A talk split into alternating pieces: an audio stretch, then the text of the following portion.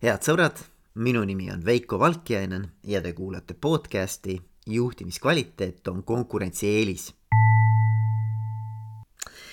käesolev episood on valminud koostöös sellise ettevõttega nagu Upsteam.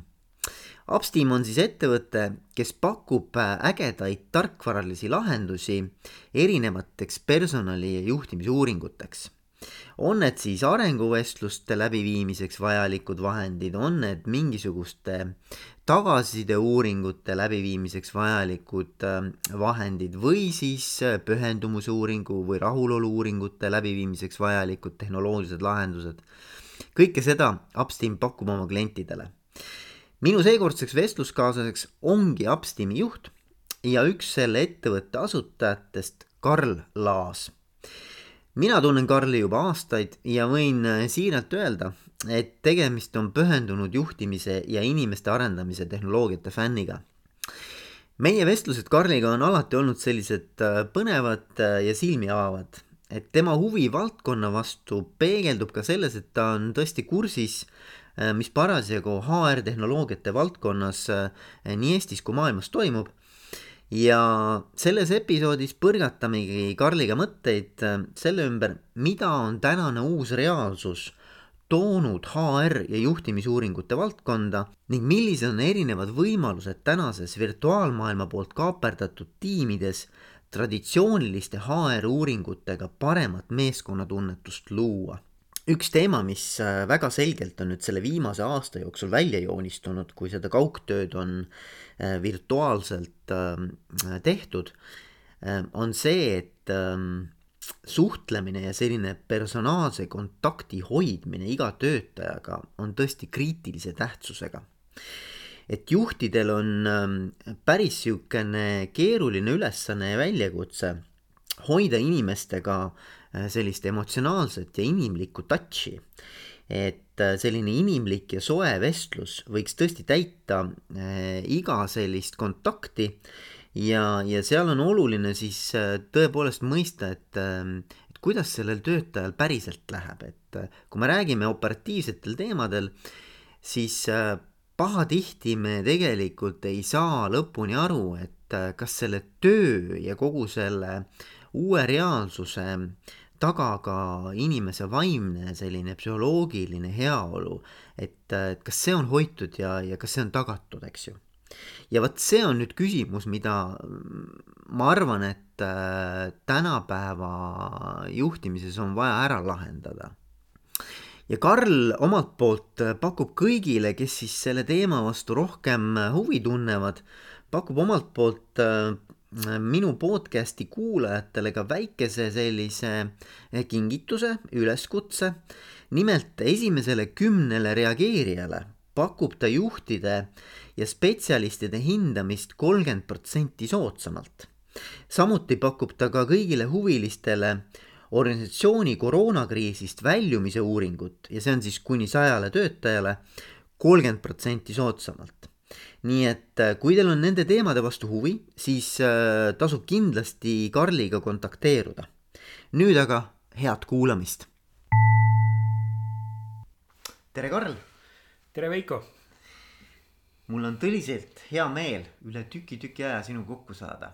ma ei mäleta, millal me viimati sinuga päriselt nagu kokku saime, aga sellest on ikka jupp aega möödas nüüd nii on ja neid kokkupuutepunkte on meil olnud nii siis personalivaldkonna konverentside korraldamisel kui ka erinevate ettevõtete kaudu uuringute või, või siis inimeste arendamise projektide läbiviimisel. nii et äh, selle eest äh, ka suur tänu ja usun, et see tänane ei jää ka viimaseks korraks. ma loodan ka ja, ja mul on tõesti, mul on samamoodi, mul on väga head mälestused, ma just äh, vaatasin oma, oma podcast'e, esimesi podcast'e ja mis tuleb välja, et ma olen seal kahe tuhande kuueteistkümnendal aastal vist oli see isegi ähm, olen äh, avaldanud ühe episoodina ähm, enda ettekande, mis ma tulin Upsteami äh, kliendi äh, üritusele tegema tagasisidestamisest.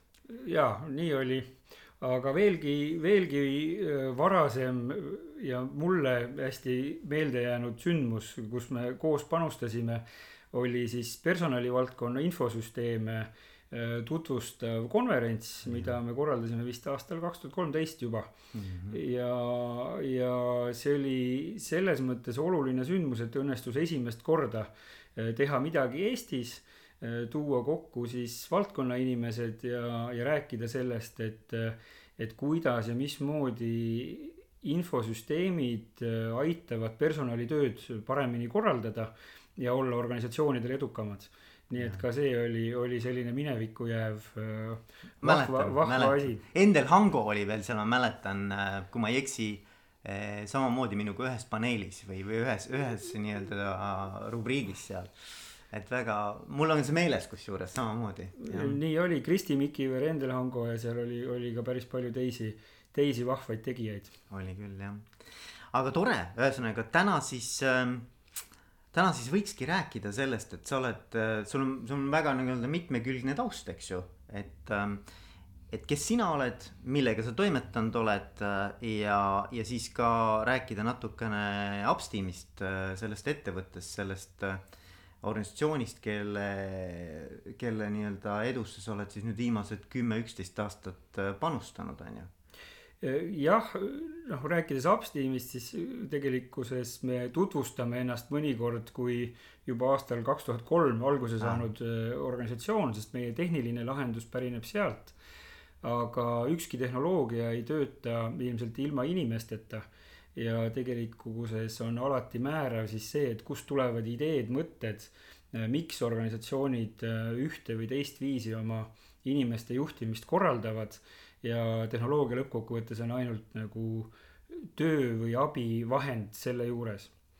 minu jaoks on olnud äh, huvitav just see, et kuidas siis nii-öelda läbi projektide juhtimise erinevate konsultatsiooniteenuste läbi selle kogemuse, mis mul on, et, et ma olen jõudnud siis nii-öelda inimeste juhtimise juurde. ja, ja peale ülikooli, noh, ma olen töötanud konsultandi juriidilise nõuandjana äh, kuni siis ühe hetkeni, kus äh, läksin justiitsministeeriumisse arendama äh, kohtute valdkonna infosüsteeme ja selle juures võib-olla esimest korda puutusin kokku siis meeskonna juhtimisega. Projektid kasvasid, järjest rohkem vastutust tuli, järjest rohkem koordineerimist ka eri organisatsioonide vahel mm. -hmm. ja, ja siis see tasand on nagu muutunud kuni siis sinnamaani välja, et, et olen juhtinud äh, ligi üheksakümmend inimest viies osakonnas. ja, ja need on ka need nii-öelda alusmõtted, et mille pealt siis noh, mina näiteks jõudsin selleni, et äh, kas ja kuidas tehnoloogia võib teha inimeste juhtimist ja, ja just nii-öelda arendamise, personali arendamise temaatikat lihtsamaks ja, ja selgemaks ja ma, ma selles mõttes olen äh, sada protsenti nõus ja ma olen ise noh, ma ka kunagi ju toimetasin erinevate HR-süsteemide ülesehitamisega. et Elionis, noh täna Telia, eks ju, et, et ma mäletan, et seal me tegime hästi palju just nimelt nagu personaliarendustööd selles vallas, et äh, üles ehitada selliseid äh, elektroonilisi infosüsteeme, mis aitaksid äh, töövahenditena juhtidel oma tiimi äh, kergemini juhtida, on ju, et noh, et, et see see oleks esiteks oleks läbipaistev, teiseks oleks see tagab, tagab, tagab ka protsessi läbiviimise õigel moel, eks. ja seal on ka ajalugu ja seal on ka selles mõttes sihuke mm, noh, selline jäädvustav moment, eks ju. et, äh, et minu arvates kõik need igasugused töövahendid, mis tänaseks on tekkinud nagu HR valdkonnas, et ma ma arvan, et see kõik on tulnud kasuks ainult, et äh, ja te olete ju kirjutanud ka raamatu selles mõttes Eesti esimene, ma ei tea, kas ka viimane täna äh, jah, me koos Vladimir Jeloviga kirjutasime raamatu personalivaldkonna infosüsteemidest. ja, ja noh, raamatu nimi on sissejuhatus, mis, mis omakorda tähendab nagu seda, et et kuidas ma ütlen, üks anekdoot on, et kui äh, paluti erinevatel Euroopa riikidel kirjutada äh, lugu või võtta kokku kõik see, mida teatakse elevantidest, siis noh, sakslased kirjutasid kaheksa köidet raamatut Sissejuhatus elevandindusse, aga prantslased selle eest lühikese brošüüri, et peatükk elevantide armuelust et meil siis noh, pigem, pigem läks see asi niimoodi, et kirjutasime sissejuhatuse, mis on oma kakssada lehekülge mm.. aga need teemad, noh, mida me seal ka käsitlesime, puudutavad just siis äh, seda, et kuidas sa valid neid süsteeme äh,. miks sa neid peaksid äh, ühte või teistmoodi valima, kuidas sa hindad äh,. Kuidas sa võiksid kaubelda hindade üle, noh ka pakkujatega äh,. mis need hinnakomponendid on ja, ja siis loomulikult ka nende valdkondlike infosüsteemide nagu iseloomustus, et, et ma arvan, et keegi, kes on tegemas investeeringut, võiks kindlasti selle raamatu üles otsida ja, ja kasutada. ma panen õppe, lingi alla ka meile sinna tekstilisena, teksti, teksti juurde ka lingi sellele raamatule, et. jaa, väga suurepärane ja võib-olla ka saame pakkuda mõnele kiirele reageerijale ka, ka otse võib-olla väikest kingitust siin mm. -hmm aga mis siis selles osas on võib-olla kõige noh, silmapaistvam minu jaoks on just see, et, et vaadates, et ega ka neid raamatuid ei ole sellest valdkonnast palju kirjutatud, on selliseid mahukaid mono, monograafiaid paar tükki ka maailmas. ja, ja nii ongi, et, et on mingi osa teadmist, noh, mida need valdkonna inimesed, kes igapäevaselt justkui tegu, tegutsevad selles valdkonnas, peaksid aeg-ajalt ikkagi nagu kasutama ehk et paari-kolme-nelja aasta tagant tasuks oma, oma nii-öelda IT-varad ka siis selles inimese juhtimises üle vaadata. ja, ja, ja tuleks nagu osata mõelda nende küsimuste peale. et tihti võib näha ka seda, et see, see inimeste arendamise valdkond tundub olevat enda juhtimisest nagu eemal. kui juhtimises pühendutakse eesmärkide äratoomisele võib-olla ka sellele, et hoida need meeskonnad kuidagi noh, nii-öelda minimaalsel tasemel koos.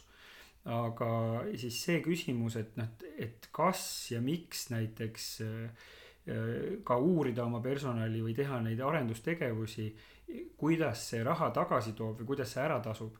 see küsimus ei ole võib-olla ka sellise juhtide nagu mõttemaailmas äh, ka täna väga tugevalt kohal et iseasi muidugi, kuidas see praegune Covidi eh, kriis ja, ja selline eraldatus seda mõttemaailma on nagu muutnud mm. -hmm.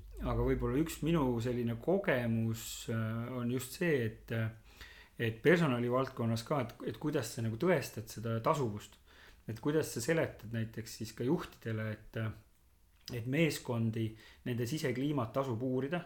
et ka juhtide arendamiseks on vaja koguda andmeid seda on vaja tegelikult teha regulaarselt ja, ja see võib otseselt mõjutada teie organisatsiooni nii-öelda seda kõva tulemust, majandustulemust, joonealust ja, ja panustada sellesse. Mm.. et äh, noh, minule endale, et ka nüüd, kui rääkida sellest samast raamatust, siis võib-olla nii raamatus kui ka valdkonnas üldse just selle nii-öelda tasuvuse põhjendamine on olnud üks kõige huvitavamaid äh, asju. Mm aga räägime, me jõuame kindlasti nendele erinevatele infosüsteemidele ka äh, lähemalt otsa vaadata, aga, aga räägime veel korra natuke sinu sellisest äh, karjäärist ja sinu tööteest, et äh, kuidas sina oled jõudnud siia, kus sa täna oled, eks ole. et, et kui sa nagu peaksid nüüd mõtlema kõige võib-olla olulised, olulisematele inimestele või sündmustele sinu karjääris, senises karjääris, et siis siis mida sa nagu välja tooksid, et mis, mis on kujundanud nagu Karl, Karlist Karli, et ähm.... ma usun nii, et nii nagu minu puhul, nii ka teiste inimeste puhul, eks sul on ikka eeskujud. Peep Vain vist kunagi ühel koolitusel ütles, et meil on kahesuguseid inimesi, kellega me kohtume elus. ühed on eeskujud ja, ja teised on hoiatused mm. -hmm. aga õnneks ma usun, mul on olnud äh, neid juhte kes on oma eeskujuga noh näidanud, milline võiks olla, milline võiks olla tähelepanu, pühendumus, milline on töövõime, noh ja neid ei ole ainult juhid olnud kindlasti, et need on olnud ka väga mitmed spetsialistid, kes kirega oma, oma asju teevad mm. -hmm. ja noh, minul on olnud karjääris see võimalus, et ma olen saanud töötada päris huvitavate süsteemidega. noh, kasvõi näiteks õigusvaldkonna ühtne infoarhitektuur e, e-toimik, mis on andnud võimaluse mulle õige ruttu näha nii-öelda erinevaid organisatsioone mm -hmm. ja, ja seda siis alguses riigiaparaadis, aga hiljem, kui me hakkasime ka upsteam'i tegema, noh siis ka, ka nii-öelda erasektoris rohkem ja, ja samal ajal noh, ma arvan ka seda, et ma olen töötanud nii riigi jaoks, töötanud siis ühe ministeeriumi jaoks kui ka nii-öelda ministeeriumite üleseid asju ajanud. see kogemus on oma osa andnud, aga ma olen ka enne seda juba ka ülikooli ajal töötanud ka erasektoris. ehk tegelikult sul peaks olema sellist kogemust nii-öelda mitmest valdkonnast. see teeb sinust kindlasti paremini nii-öelda maailma mõistva inimese ja paremini ka organisatsioone mõistva inimese mm. -hmm. et äh, konsultandi või projektijuhi kogemus minul nii-öelda paar viimast projekti on olnud näiteks Keskkonnaameti ja Keskkonnainspektsiooni ühendamise ettevalmistamine või ka näiteks siis riigile ma olen äh, teinud analüüsi riigilaborite nii-öelda struktuurimuudatustest ja kokkuvõttes siis sa peaksid töötama nii-öelda mitmes äh, valdkonnas, et maailma mõista paremini mm.. ja võib-olla see ongi see põhi nii-öelda loomus, et uudishimu, äh, soov maailma mõista, tahtmine ise areneda. et see on see, mis mind on nagu aastate jooksul äh, tagant, tagant kihutanud ja siis tegelikkuses ka praktiliselt tahtmine noh, midagi ära teha, et mm. olgu see siis Äh, mõni ettevõtmine, mõne organisatsiooni arengule kaasaaitamine läbi siis Upsteami toodete või, või teenuste või siis ka konsultandina. aga kuidas sa Upsteamini jõudsid? ma jõudsin Upsteamini läbi praktilise vajaduse, et ega noh, kõik uued ettevõtmised või, või ka startup'id hakkavad ikkagi pihta sellest, et sa märkad midagi ja tuled selle mõtte peale, et, et siin valdkonnas võiks asju teha paremini või teistmoodi et ükskõik, et kas need on siis need Eesti, Eesti äh, ükssarvikud, äh, kus on samamoodi mingisugune lihtne alusidee, mida siis on mindud lahendama. ja minu jaoks oli Upsteami alusidee see, et äh, ma juhina ei olnud liiga usin täitma kõiki neid formaalsusi, mis olid seotud arenguvestluste ja, ja personali arendamisega et toona vist justiitsministeeriumis oli nii, et, et hakkas arenguvestluste periood. tavaliselt siis sain ma ka kõne personaliosakonnast, et noh, või, või emailid, kuidas see protsess käivitati, et pange ennast valmis, kõik juhid, nüüd järgmise kahe-kolme nädala jooksul toimuvad arenguvestlused ja ühtlasi siis täitke need ankeedid ära ja olles seal töötanud mõned aastad, siis noh, ütleme nii, et olles olles loominguline inimene, pühendudes eh, sisule, eh, ei ole mul alati olnud nii-öelda see tähelepanu just nende formaalsuste täitmise peal. nii et tavaliselt siis ma sain personaliosakonnast kõne, et kui see arenguvestluste periood oli poole peal. et kuule, Karl, kas sa nüüd võiksid tuua need ankeedid meile ära, et me noh, arhiveerime neid seal enda kaustades ja niimoodi ja, ja, ja ikkagi paar aastat järjest oli see nii, et ma sain ka teise kõne, mis siis oli juba juba äh, nädal-kaks peale seda, kui kõik need ankeedid oleksid pidanud olema edasi saadetud äh,. ja see ei tähenda, et, et mulle ei oleks meeldinud pidada neid vestlusi või inimestega suhelda ja rääkida, aga lihtsalt see vormistuskülg äh, oli, oli see, kuhu mul enam ei jagunud nii-öelda juhina seda tähelepanu või aega ja, ja see mõte ongi hästi lihtne, et teha see protsess kergemini hallatavaks et juhid ei peaks kulutama aega siis nende paberitega edasi-tagasi äh, jooksmiseks. ja mõneski mõttes ma arvan, et täna see protseduuriline kasu, mida me pakume oma klientidele, noh, on, on samasugune. et äh, iseenesest küsimus on ju see, et kuidas teha ka siis neid äh, järjest rohkemaid personali arendustegevusi niimoodi, et see võtaks vähem aega Äh, et formaalsuste peale kuluks vähem aega ja, ja et äh, oleks võimalik siis luua mingisugust uut kvaliteeti. et mitte ainult andmed ju ei anna seda uut kvaliteeti, vaid ennekõike noh, ka võimalus teha järeldusi, vaadata sellele kogemusele peale et, et see on see, kust siis võib areng nagu tekkida või alguse saada. jaa, ma, ma hästi nagu samastun sellega, et et selline infosüsteem loob nagu juhtidele ka mingisuguse sellise ehm, nagu, nagu selgroo, et, et see protsess, mis siis on ette nähtud, et see päriselt sellisel moel ka saab nagu läbi viidud. Ehm,. ja teiselt poolt, et see on nagu läbipaistev, vaata, et, et ta nagu tekitab ka sellist nii-öelda äh, avatust, selgust äh,, üksteise mõistmist, eks ole ja, ja noh, mulle meeldib ka see mõte, et sa saad ka aastaid hiljem minna ja vaadata näiteks kui juht muutub, eks ju, juht vahetub. ta võib minna oma tiimiliikmete nii-öelda eelnevate aastate eh, kaustadesse ja näeb täpselt ära, et mismoodi need asjad olnud on, et, et kui see asi kuidagi on niimoodi noh et teed ei tee, teed omamoodi, teed eh, võib-olla paberi peal, ei tee võib-olla üldse paberi peal, teed ainult nii-öelda nagu mingisuguse sellise vestluse, et, et, et siis sellel ei ole nagu seda väärtust, seda strukturaalset väärtust enam vaata mm. -hmm. ja mulle see nagu mõte hästi meeldib, et need töövahendid kõik toetavad sellist läbipaistvust, protsessi järgimist ja, ja siis ka sellist nii-öelda ajaloolist äh, vaadet, eks ju, nii-öelda jäädvustamist et aga, aga okei okay,, aga räägime Upsteamist, et noh, et, et Upsteam sai sellest alguse, et see oli sul endal juhina nagu hea kogemus, vajadus on ju mm, kuidas see siis arenema hakkas, et see ei saanud ju nii olla, et ühel hetkel Karl ütles, et nüüd ma teen upsteam'i. et kus, kuidas, kuidas nagu räägi mulle natuke sellest ka, et kuidas see, see, see ettevõtja sinus nagu pead tõstis? tõstis pead nii, pead nii, et eks sa hakkad nagu jälgima siis neid märke, et kui sul tuleb mingisugune idee, siis sa mõne aja jooksul või, või sellise kontrollperioodi jooksul sa ju testid seda, et, et kas nii võiks olla, kas su ideel võiks olla jumet noh, piltlikult öeldes küsid, küsid naabrite, tuttavate, sugulaste käest alguses, et mis nemad arvavad. või siis noh, meie puhul räägid erinevate juhtidega, kellega sa kokku puutud ja, ja ka valdkonna inimestega, et, et kas sellist asja võiks kasutada.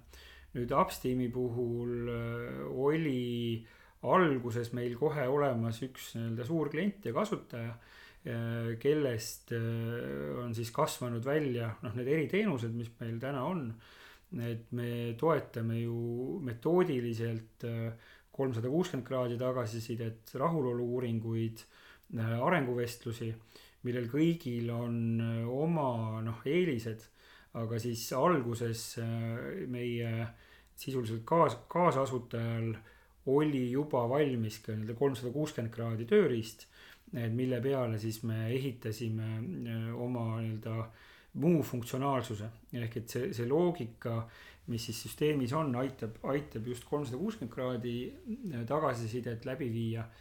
Täna me noh, oleme teinud võib-olla kõige suurema arenguhüppe selles, et äh, aru saada, et, äh, et kuidas organisatsioonid neid erinevaid meetodeid võiksid kasutusele võtta. Ja, ja selles mõttes on kolmsada kuuskümmend kraadi tagasiside just meie jaoks ka selline esimene äh, tihti kliendi kokkupuutepunkt, et kas siis kolmsada kuuskümmend kraadi või äh, rahulolu-uuringud, äh, organisatsiooni pühendumusuuringud, ükskõik kuidas me seda siis ka nagu nimetame. mis on omakorda üks äh, hea fenomen, et nii juhtimises kui ka personalitöös paistab tänaseks nii, et siin iga kolme-nelja-viie aasta tagant toimub siis mingisugune tsüklinihe kus me tähtsustame erinevaid selliseid organisatsiooni arendamise nagu valdkondi jällegi nagu uuesti. ah, see on väga huvitav. et eriti, eriti näiteks siis rahulolu-uuringute puhul, eks, et me oleme, ütleme, et, et see metoodika on tegelikult ju üks, küsimused võib-olla on sarnased, aga noh, et, et me räägime siis nüüd pühendumusest, me ei räägi enam lihtsalt rahulolust. aga muide, tead, ma võin nagu korra rääkida, see rahulolu ja pühendumus, see on hea, see, see mul, sellega tuleb meelde kunagi äh, Eesti Energias, minu, minu üks esimesi töökohti oli Eesti Energias, ma olin sisekommunikatsiooni juht. Ja üks minu ülesannetest oli läbi viia üle Eesti Energia tööga rahulolu uuring. Eesti Energias oli tol ajal noh, ma isegi ei julge neid tuhandeid öelda, ega väga palju inimesi, Eesti suurim tööandja. ja, ja siis oli huvitav oli see, et kui me siis tegime selle uuringu ära ja läksime juhatusse seda presenteerima. siis üks juhatuse liige ütles minu arvates nagu väga tabavalt, et talle see rahulolu uuring sõnana või selle nimetusena absoluutselt ei meeldi. sellepärast, et ma ei taha, et inimesed oleksid lihtsalt rahul. et, et, et ma tahan, et inimesed tegelikult oleksid pühendunud sellele, mida nad teevad. et nad noh, tahaksid seda tulemust saavutada. ma võin olla jube rahul ja mitte midagi teha no täiesti nõus, aga täna me nüüd enam ei räägi ka siis pühendumusest, vaid me räägime inspireeritusest. Aa ah, jaa, okei okay,, okei. Okay.. et noh, et, et me oleme siis jõudnud nii-öelda sellise kolmanda, kolmanda sõnani, millest noh, praegu muidugi nüüd koroona tingimustes võib-olla selline nii-öelda ideoloogiate pealetulek natukese pidurdub, sest et on vähe neid konverentse, kus saaks uusi, uusi, uusi teooriaid järjest levitada et, et seda ei toimu, aga noh, et, et, et, et sisuliselt on see ikkagi nii, et noh, me mõtleme edasi ja siis jõuame nii-öelda mingite järgmiste nagu tasemeteni.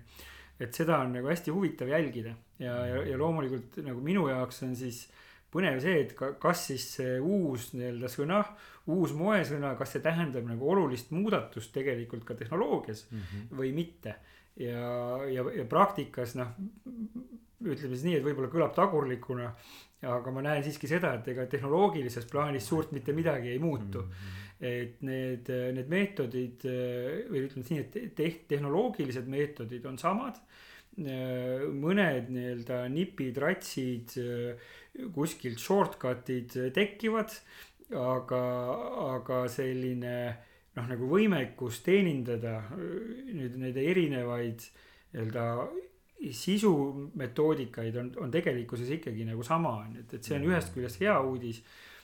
teisest küljest, teisest küljest lihtsalt ütleb, et noh, et, et mingid asjad on nagu tõsikindlad Mm -hmm. et tegelikult seesama kolmsada kuuskümmend kraadi tagasisidestamise meetod ju, ju võeti kasutusele kahe viimase maailmasõja vahel ja, ja on algu-, alguse saanud nii-öelda sõjaväelisest hindamisest. et siis eh, keda, keda edutada, keda mitte, et sealt on see nagu teema tulnud, et eh, näha, et kas siis, kas siis ohvitserid või, või tulevased ohvitserid, et kas, kas neid kiidavad ja tunnustavad ainult nende siis nii-öelda ülemused või ka kolleegid ja, ja mida ütlevad siis ka nii-öelda alluvad või, või meeskonnaliikmed, nagu me täna, täna nimetaks. Mm. Ja see on hästi põnev jah, et ma, ma olen ise näiteks noh, kõikides, ma julgen öelda, pea kõikides ettevõttes, kus ma nagu töötanud olen, teinud äh, siis ühel mo-, ühel või teisel moel neid, äh, neid uuringuid, eks ole. ja, ja ma olen ka rääkinud seda varasemalt, et, et ükskõik, kuidas me seda nimetame, seda uuringut või ükskõik, milliseid küsimusi me täpselt sinna sisse paneme.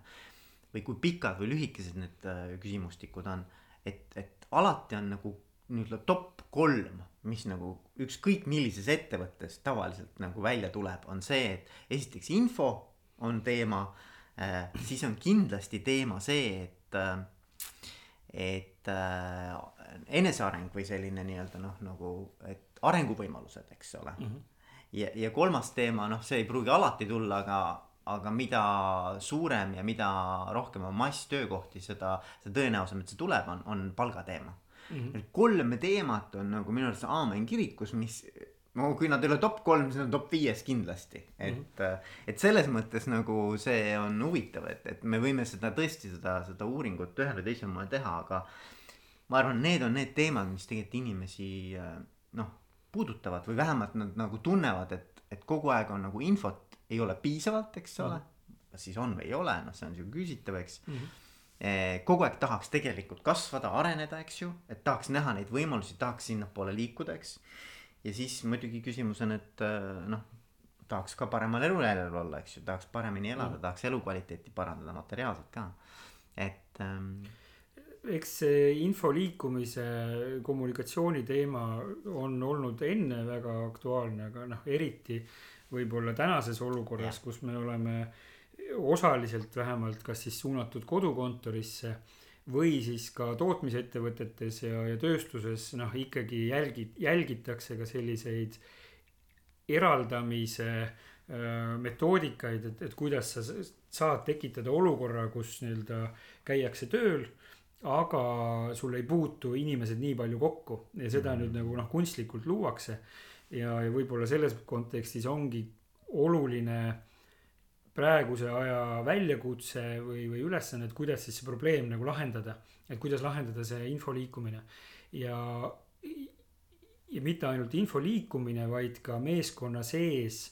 nii-öelda see inimlik kokkupuude meeskonnaliikmetega, koostöö küsimused ja noh, mis puudutab sellist arengutemaatikat, et siis võib-olla, võib-olla siin on noh, küsimus nii, et eks me tuleme ju lapsepõlvest kõik ja, ja me, me näeme, et kui meil on lapsed kodus, siis tihti käib võistlus tähelepanu pärast.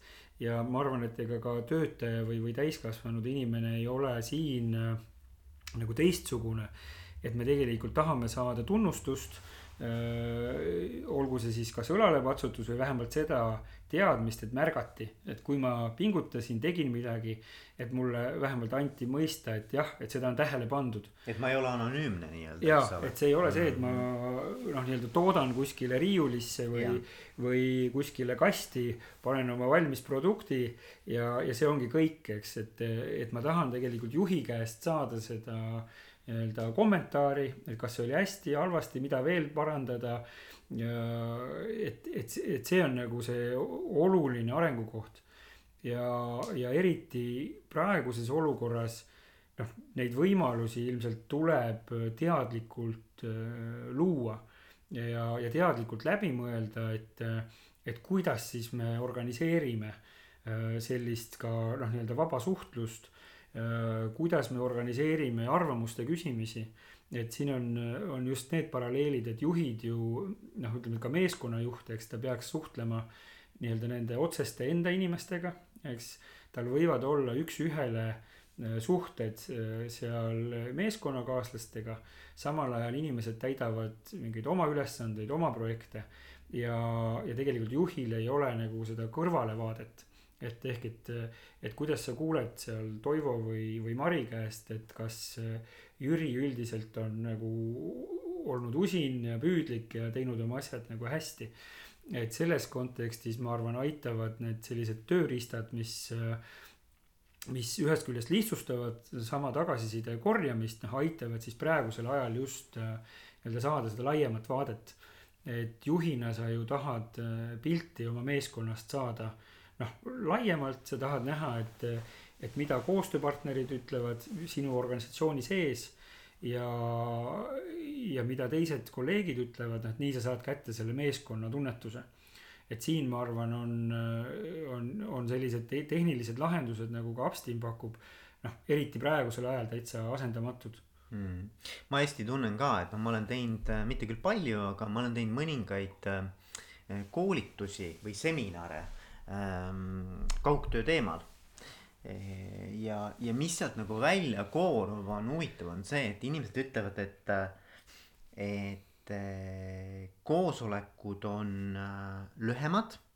Äh, nad on operatiivsemad, keskendutakse nagu tööalastele teemadele aga mis on puudu ja millest inimesed tegelikult ähm, tunnevad äh, siirast nii-öelda nagu äh, defitsiiti on, on sihuke inimlik pool, just mida sina ka välja tõid, et, et, et noh, see, see kohvinurga jutt või see nii-öelda lihtsalt chit-chat, mida nagu tegelikult äh, kontoris sai ju ühe või teise nurga peal teha, eks ju ähm,. et see on puudu ja, ja inimesed tunnevad, et nad on kuidagi nagu eemaldunud või, või, või et ütleme, et ühelt poolt nagu tööalaselt me kogu aeg suhtleme ja võib-olla isegi suhtleme rohkem, kui me mm, seni suhtlesime, et noh, kõik need igasugused äh, küsimused, mis tuleb kohe ära lahendada, eks ju mm. -hmm. ja need tehnilised lahendused on ju olemas, kuidas teiste inimestega suhelda, eks mm. -hmm. aga, aga mingisugune selline äh, distantsitunnetus või selline nii-öelda noh, mina ütleks, et ikkagi see online keskkond tekitab mingisuguse sellise äh, see energiavahetus ei ole nii hea, kui ta oleks mm -hmm. nagu näost näkku.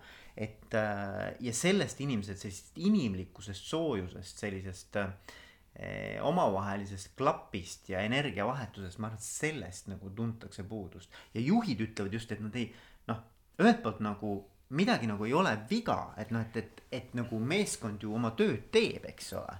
Äh, aga teiselt poolt nagu on tunne, et ma täpselt ei saa aru ka, et et äh, mis see meeskonna feeling või meeskonna mm -hmm. spirit on, et, et -hmm. kas, kas see on hästi, ei ole hästi. et, äh, et see, see on, ma arvan, kindlasti teema. noh, me teeme täna ka näiteks koostööd siin arengukasvu agentuuriga Bluefire ja, ja sealtpoolt on siis ka see tagasiside, et, et me oleme harjunud, ütleme, et valdkonna inimestena, kas siis me korraldame seminare või on siis sellised äh, suvepäevad või mingisugused muud üritused, noh selleks, et nii-öelda seda meeskonnatunnetust kas siis tekitada või inimesi motiveerida. nüüd äh, see kaugtöö toob nagu selle ja, ja just ka see distantsi loomine inimeste vahele toob selle, et tegelikult need metoodikad et kuidas sa näiteks teed mingisugust suvepäeva või, või motivatsiooniüritust oma meeskonnale. Need metoodikad on vaja nagu uuesti lahti mõtestada ja tegelikult leida teisi võimalusi ka, ka siis sellise meeskonna motivatsiooni hoidmiseks või, või nende äh, motiveerivate ürituste tegemiseks. ja neid võimalusi on noh, mhm. samamoodi meil on ju terve armee nii-öelda näitlejaid, õhtujuhte, motivatsioonikõnelejaid. üritusturunduse valdkond tervikuna, eks ole. kes, kes lihtsalt täna noh, ei, ei pääseta suurtele üritustele, aga neid asju on võimalik korraldada teistmoodi. Ja. ja praegu ka ütleme, et, et sellises koroona tingimustes, noh, mida me Upsteamiga teeme, me oleme välja töötanud täiesti uue nii-öelda rahulolu uuringu või siis ka pühendumusuuringu standardi, noh, mis paneb äh, tähelepanu just äh, sellele samale eraldatusele, ka äh, füüsilisele äh, ohutustundele ehk et ka sellele, et, et kuidas inimesed ennast tunnevad ka tööl, eks, et kas tervisenõuded on, on täidetud, aga ka siis, mis, mis pöörab tähelepanu just nendele aspektidele, et kas ma saan toetust oma meeskonnalt, oma juhilt ja, ja nii edasi ehk et äh, täna noh, ma näen, et, et, et see on asi, kuhu me liigume. et paratamatult meil on puudujääk sellise inimliku suhtluse osas, seda saab ja tuleb lahendada äh, teistmoodi ka. Äh, võib-olla rohkem ringi käia, et kunagi meenub ühe, ühe hea sõbra öelda ettepanek, et noh, et mõnikord, kui on sünnipäev et siis võiks ju olla nii, et sünnipäevalaps käib äh, kõigi äh, sõprade juures ja siis igal pool teda võetakse vastu ja oodatakse kingitustega ja juuakse koos teed.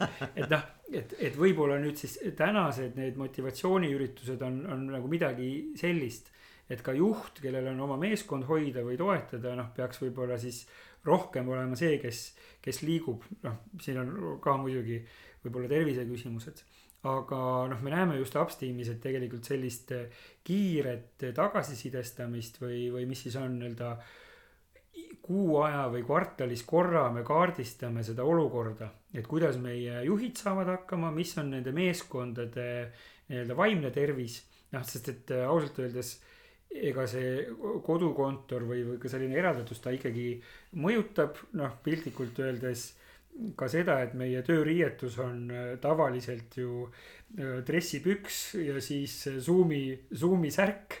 Ja noh, see tähendab, et, et äh, võib nii-öelda käest ära libiseda. ei noh, tegelikult kuule, üks, üks teema, ma nüüd korra kiirelt ütlen vahe ääremärkus. üks teema, mis on, on see, et sa võid hommikul nagu hommikumantliga alustada ja järsku õhtul avastad, sul on siiamaani see hommikumantel seljas, eks ole. et äh, ei ole nagu, ei ole välistatud ja, aga see, see tingib ka noh, mida ka mõned eh, siin meie kliendid on, on rääkinud ja noh, ka organisatsioonid, mis eh, mis põhinevad ikkagi nii-öelda noh, teabel, teabe töötlemisel ja on arvutitöökohad. et siis on väga suur risk tegelikult inimestel üle töötada, üle pingutada, sest et eh, sa ärkadki hommikul noh, nii-öelda jalutad kontorisse, mis on kolm meetrit võib-olla kirjutuslauani istud maha ja sa ei pane, ei pruugi tähele panna seda vajadust, et, et sa peaksid vahetama seda fookust, võib-olla sa peaksid enne käima jalutamas pool tundi ja siis istuma sinna laua taha nagu maha. et selles mõttes Upsteami kontekstis täna mul on hea meel, et me saame aidata just avastada selliseid selliseid nii-öelda puudujääke või, või kõikumisi nende meeskondade nagu sise, sisekliimas ja, ja noh, sa ütlesid ise, et sa oled viinud läbi neid kaugtöökoolitusi ka mm. -hmm et äh, juhid on ju erinevalt valmis nendeks äh, kaugtöö olukordade nii-öelda lahendamiseks ja, ja ma arvan, et see on see koht, kus noh, ütleme, et, et Eesti konsultantidel, koolitajatel on kõvasti tööd teha ja, ja ees. just, just selles osas, et, et mis on need efektiivsed meetodid, et kuidas seda kaugtööd korraldada. Siin ju kirjandust ja raamatuid on kirjutatud juba enne küll ja veel, aga noh, et, et täna on siis see olukord, kus seda kõike tuleks nagu rakendada ja, ja leida sellele konkreetsele ettevõttele, organisatsioonile parimad mudelid ja siis ka nendele konkreetsetele meeskondadele parimad mudelid. et ma usun, see on, on selline praeguse aja noh, nagu juhtimise väljakutse. ja, ja üks teema, mis äh, ma võin öelda, mis on nagu selle viimase pooleteist aasta jooksul äh, ka minu koolituste hulgas ja üldse nagu coaching us ka nagu saanud väga suure fookuse äh,. on üks-ühele vestlused et kui siiamaani noh, nii-öelda sellises äh, enne siis äh, koroonat, eks ole äh,. üks-ühele vestlused olid olulised, aga neid tehti kuidagi noh, et ma ju, ma tean, kuidas seda tehakse, ma ju, et see ei ole nagu mingi probleem, me räägime, eks ole äh,. siis, siis nüüd ma ütleks selle kaugtöö ajal on nagu juhid oluliselt rohkem hakanud väärtustama seda mismoodi ta tegelikult seda läbi viib, et kui palju ta tegelikult suudab selle teise inimesega, selle tiimikaaslasega ähm, kontakti saavutada. ja et, et äh, mis on need teemad ja mis on see ülesehitus, mis on see nii-öelda algus ja lõpp ja struktuur, eks ole kuulamisoskused ja kõik, kogu see nii-öelda suhtlemisoskuste ampluaa. et ma arvan, et sellele on täna nagu väga suur rõhk, et äh, see muutub olulisemaks, kuna me ei ole tegelikult nii heas kontaktis, kui me oleksime kontoris. täiesti nõus jah, aga noh, ütleme, et, et mida meie näeme Upsteamis täna on, on ka siis see, et, et sul on vaja seda üks-ühele tunnetust, aga tegelikult sul on ka vaja nende meeskondade terviku tunnetust. muidugi, muidugi. ja ütleme, et kui sa oled nagu keskjuht näiteks või juhtide juht, siis tegelikult äh, sind huvitavad ju küsimused, et noh, et, et kui sul on terve rida seal juhte sinu alluvuses, et, et kuidas siis Maril, Jüril või, või Vellol oma selle meeskonnaga nagu läheb. ja, ja see on ka see koht, kus noh, ilmselt organisatsioonid peavad äh, tähelepanu pöörama sellele, et äh, märgata soovitavalt enne äh, nii-öelda, kui töökoormus on juba liiga suur või ongi läbipõlemine käes, et su eesmärk on ju enne märgata, anda puhkust Äh, noh, rakendada ka võib-olla mingisuguseid rutiine, mis aitavad sellist äh, nii-öelda vabamat suhtlust noh, nii-öelda mm, tekitada meeskondade vahel mm. -hmm. ja, ja, ja ma olen hästi nõus, et, äh, et kaugtöö puhul, mis tekib, on see, et tekib veel rohkem killustatust. mingid inimesed kogu aeg suhtlevad omavahel, tekivad mm. mingid sellised subkultuurid või sellised nagu oma väiksed grupikesed tiimi sees. noh, mhm. kahesed või kolmesed, eks ole, mhm. kes omavahel hästi tihedalt suhtlevad. samas jällegi nad eralduvad ülejäänud seltskonnast mm, -hmm. eks ju. et noh, muidu kontoris nagu, kui sa füüsiliselt nii-öelda põrkasid üksteisega kokku, et siis seda oli vähem. kuigi siis ka, eks ole, aga nüüd on ekstra see teema ja mõni inimene on täitsa üksi, eks ole, ta jääbki üksi sellepärast, et noh, see oleneb suhtlusmustrist mm. -hmm. et, et ja minu arvates nendele teemadele saab just nimelt vot uh, uuringutega jaole, et, et minu arvates see on see koht, mis võiks olla väga väärtuslik äh, nii on jah, ja, ja siin me juba täna väärtust pakume, et meil on eraldi, eraldi sellise kriisiaja uuringu põhi olemas, kus siis saab ka võrrelda organisatsioonide ja osakondade tulemusi äh, omavahel. et see on, ma arvan, nagu mõistlik asi teha, noh, võib-olla ka kord kvartalis et äh, aga nüüd rääkides samadest nagu uuringu valdkonnast veel, siis võib-olla, mis on minu jaoks täna selline huvitav äh, teema, on see, et noh, et kuidas sa organisatsioonis äh, need erinevad meetodid, mis sul on, eks ju, et on üks-ühele tagasiside, on võib-olla see meeskonna, meeskonna selline tagasiside, võib-olla kompetentside hindamine seal kolmsada kuuskümmend kraadi või muul alusel arenguvestlused, mis mõnikord võivad olla siis rohkem eesmärgi, eesmärgistamisvestlused või, või tulemusvestlused. siis on needsamad pühendumuse, inspireerituse uuringud, et kuidas sa need omavahel nagu kokku paned ja, ja, ja millise siis sellise mudeli sa nagu leiad mm. -hmm. et äh, ma arvan, et selles valdkonna töös noh, tegelikult kui me tahame teha asju hästi siis tingimata, tingimata ei äh, tähenda see, et, et rohkem on parem. ehk et noh, et, et, et tüütame oma inimesed igasuguste küsimustike ja ankeetidega nagu ära, et laseme neil iga päev või, või kord nädalas noh midagi täita, et, et see ei ole võib-olla ka see põhi, põhieesmärk, et, et tuleb leida mingisugune nii-öelda mõistlik, mõistlik vahekord nende erinevate meetodite vahel. Ja, ja siin võib-olla noh, ka, et kas ja kuidas kasutada tehnoloogiat on omamoodi küsimus. et mulle hästi meeldib Laslo Poki, see on siis Google'i personalijuhi üks välja öeldud mõte raamatus Tööreeglid, mis siis rääkis ka just Google'i nii-öelda juhtimispõhimõtete ja, ja inimeste arendamise põhimõtetest. Kus siis Laslo ütleb, et noh, näiteks eesmärgistamiseks, mis on ka üks osa juhtide tööst, inimestega eesmärkidest rääkida. aga siis Google, kuigi sul on nii-öelda kogu maailma tehnoloogiline võimekus, parimad inimesed tööl. Google oma eesmärkide arvestust kunagi täielikult ei automatiseerinud.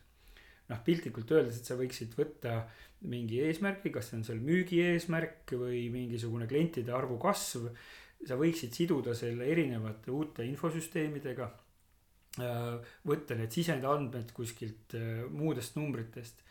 aga nüüd Google tegi sellise täiesti teadliku otsuse, et äh, juhid, kes nii-öelda andsid aru ja kogusid andmeid eesmärkide täitmise kohta, nad pidid seda tegema käsitsi. ja, ja, ja põhjus on siis ka selles, et kuna nad siis kord kuus või võib-olla ka sagedamini pidid üle vaatama neid reaalseid numbreid, mis olid kokku mhm. lepitud mm, -hmm. siis see tagas nagu selle, et nende tähelepanu ongi nii-öelda nendes äh, olulistes kohtades. ja, ja nii see siis äh, käiski, et sisestati eesmärgid käsitsi, numbrilised väärtused, äh, käsitsi tulemused ja, ja siis neid võrreldi. noh, mis tähendab, me hoiame oma pead hoiame tegevuses eh, nende samade oluliste numbritega. ja mulle see jällegi seostub ühe teise programmiga, mis ma kunagi ka äh, läbisin, oli see Franklin Covey uh, Four Disciplines of Execution, see elluviimise programm.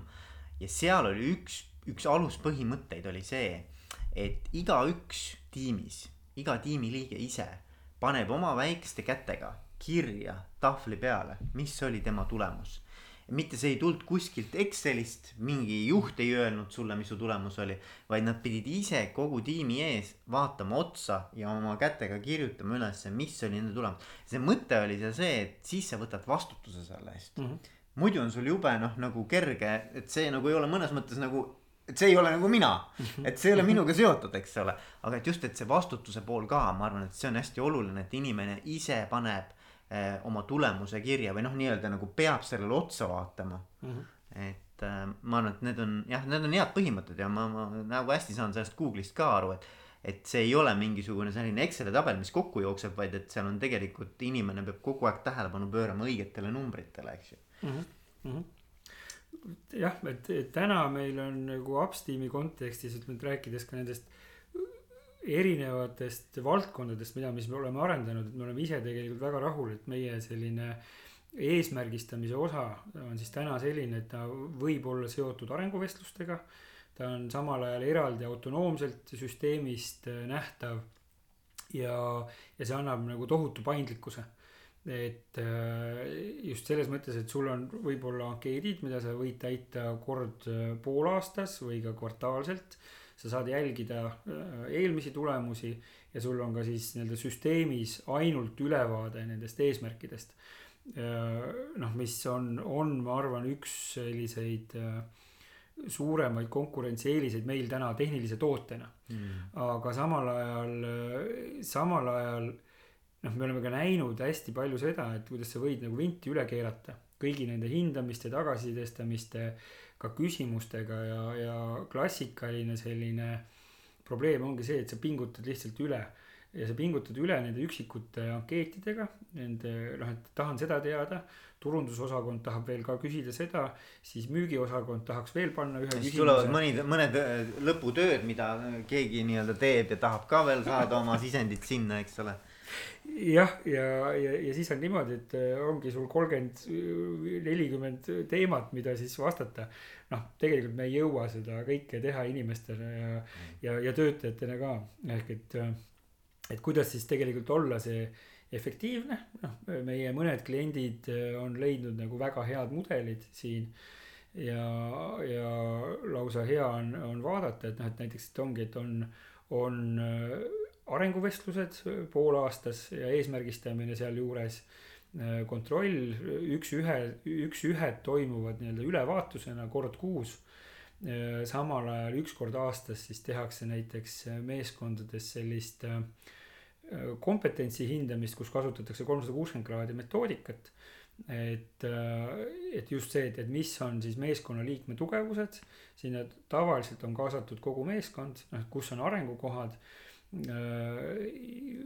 mis on need tugevused, millele sa saad juba mängida, noh, mis on nagu juba hästi, mida sa saad võimendada.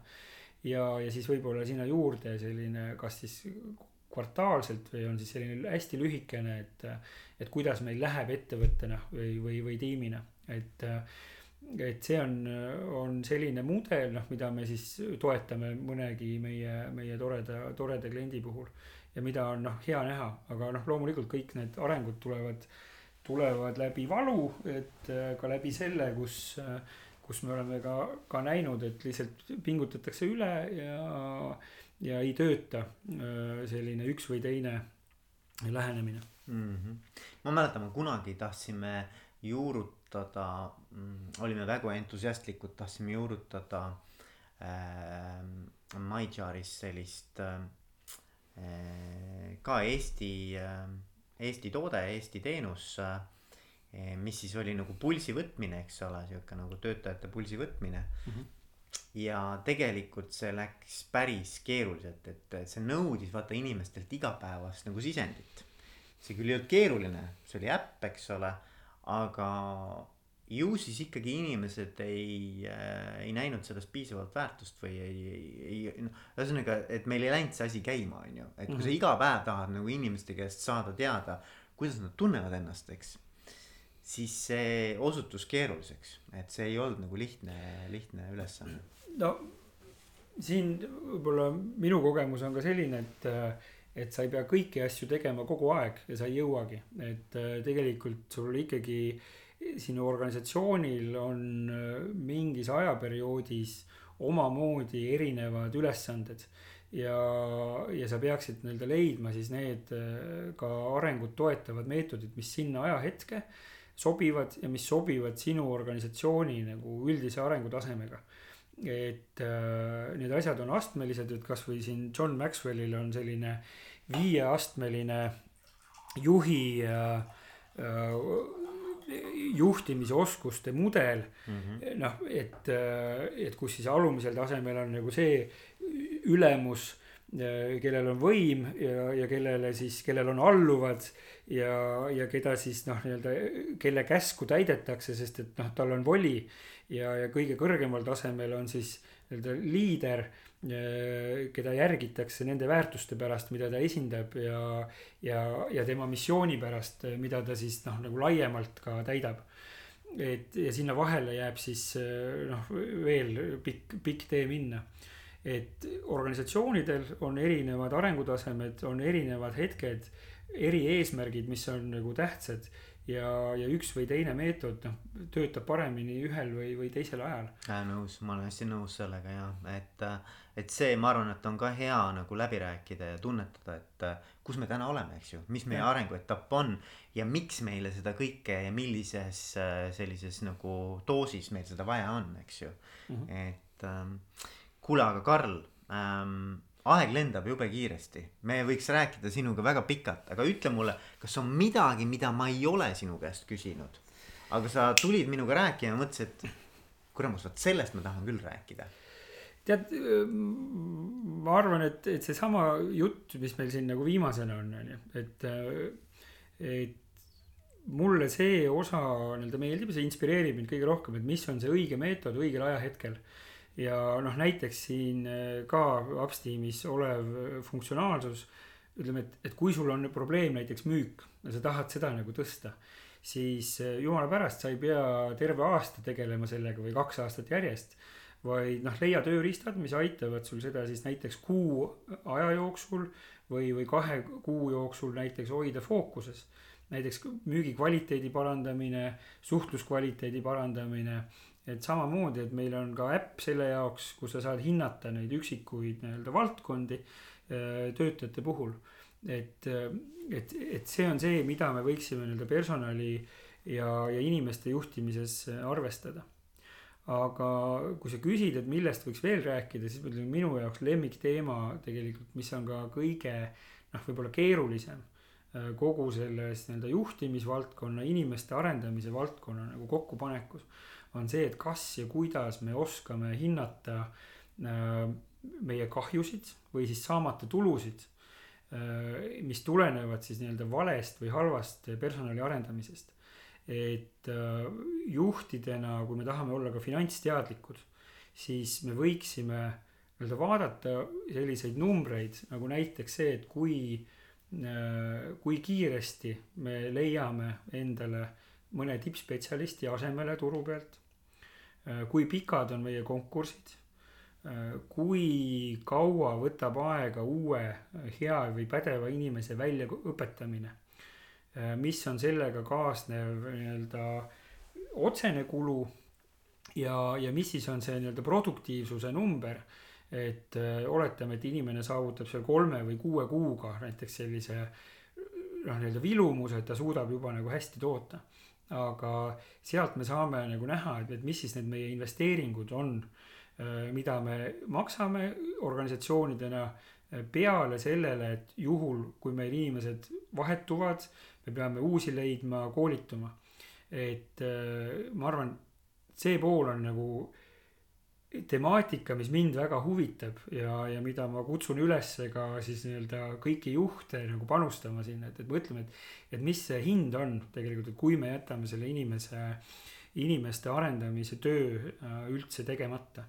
Ja minu arvates üks selline statistik või number, mis jookseb välja Gallupi äh, uuringutest. Gallup on siis üks sihukene ülemaailmne selline ka töötajate pühendumust äh, hindav organisatsioon ja, ja noh, kui ma ei eksi, see, see number, noh, ma, no ma täpselt nagu protsenti ei mäleta, aga see oli nagu masendavalt madal oli siis nagu pühendunud töötajate arv, see oli minu arvates, kas see oli mingisugune kakskümmend või isegi kakskümmend protsenti või vähem sellest, kõikidest töötajatest. et kui nüüd mõelda selle peale, mis on ka üks tegelikult uuringutest välja jooksnud number, et, et äh, kui tavatöötaja teeb viiskümmend protsenti oma tööajast reaalselt nagu oma eesmärkidega seotud tegevusi mm. -hmm. siis, siis ma arvan, et kui sa suudad seda pühendunud inimeste arvu oma tiimis kasvõi nagu mõne protsendi võrra kasvatada sa kujutad ette, millise efektiga see võib nagu lõpptulemusele olla. et, et nagu see, see on nagu minu arvates sihuke hoomamatu tegelikult nagu äh, kulu või, või ütleme, hoomamatu saamata jäänud tulemuslikkus mm. -hmm täiesti nõus, aga noh, siin ongi, seda võib-olla ei saa sa lõpuni välja arvutada.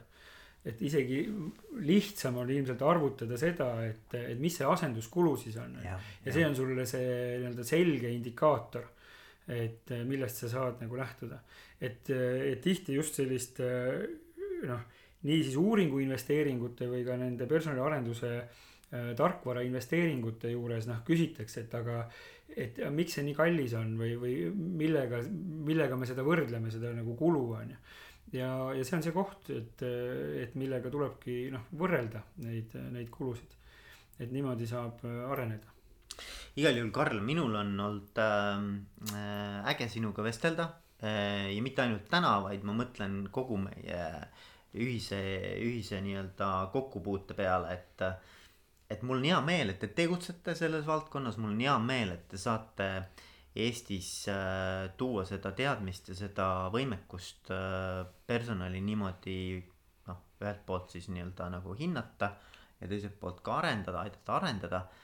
et äh, ma soovin sulle edu, ma soovin Upsteamile edu ja mine tea, kuidas meie, meie teed veel kunagi kokku viivad Äh, suur tänu ja noh, tegelikult siia edusoovi juurde ütles ka seda, et meil on hea meel näha, et me oleme tegelikult ise sellisest nende organisatsioonidele eh, teenusepakkujast eh, kasvanud tänaseks ka teenusepakkujaks konsultatsioonifirmadele. ehk et meil on kliente mitte ainult Eestis, vaid ka eh, Balti regioonis ja mujal, kes ongi professionaalsed nii-öelda konsultatsioonifirmad või, või inimeste arendusfirmad, kellele me ka saame oma, oma tarkvara pakkuda, nii et, et sealtkaudu jõuavad need teenused järjest rohkemate inimesteni ja ma olen sinuga väga nõus, et juhtimiskvaliteet on konkurentsieelis ja tänan ka sind selle võimaluse eest äh, olla sinu külaline. väga äge, igal juhul edu. aitäh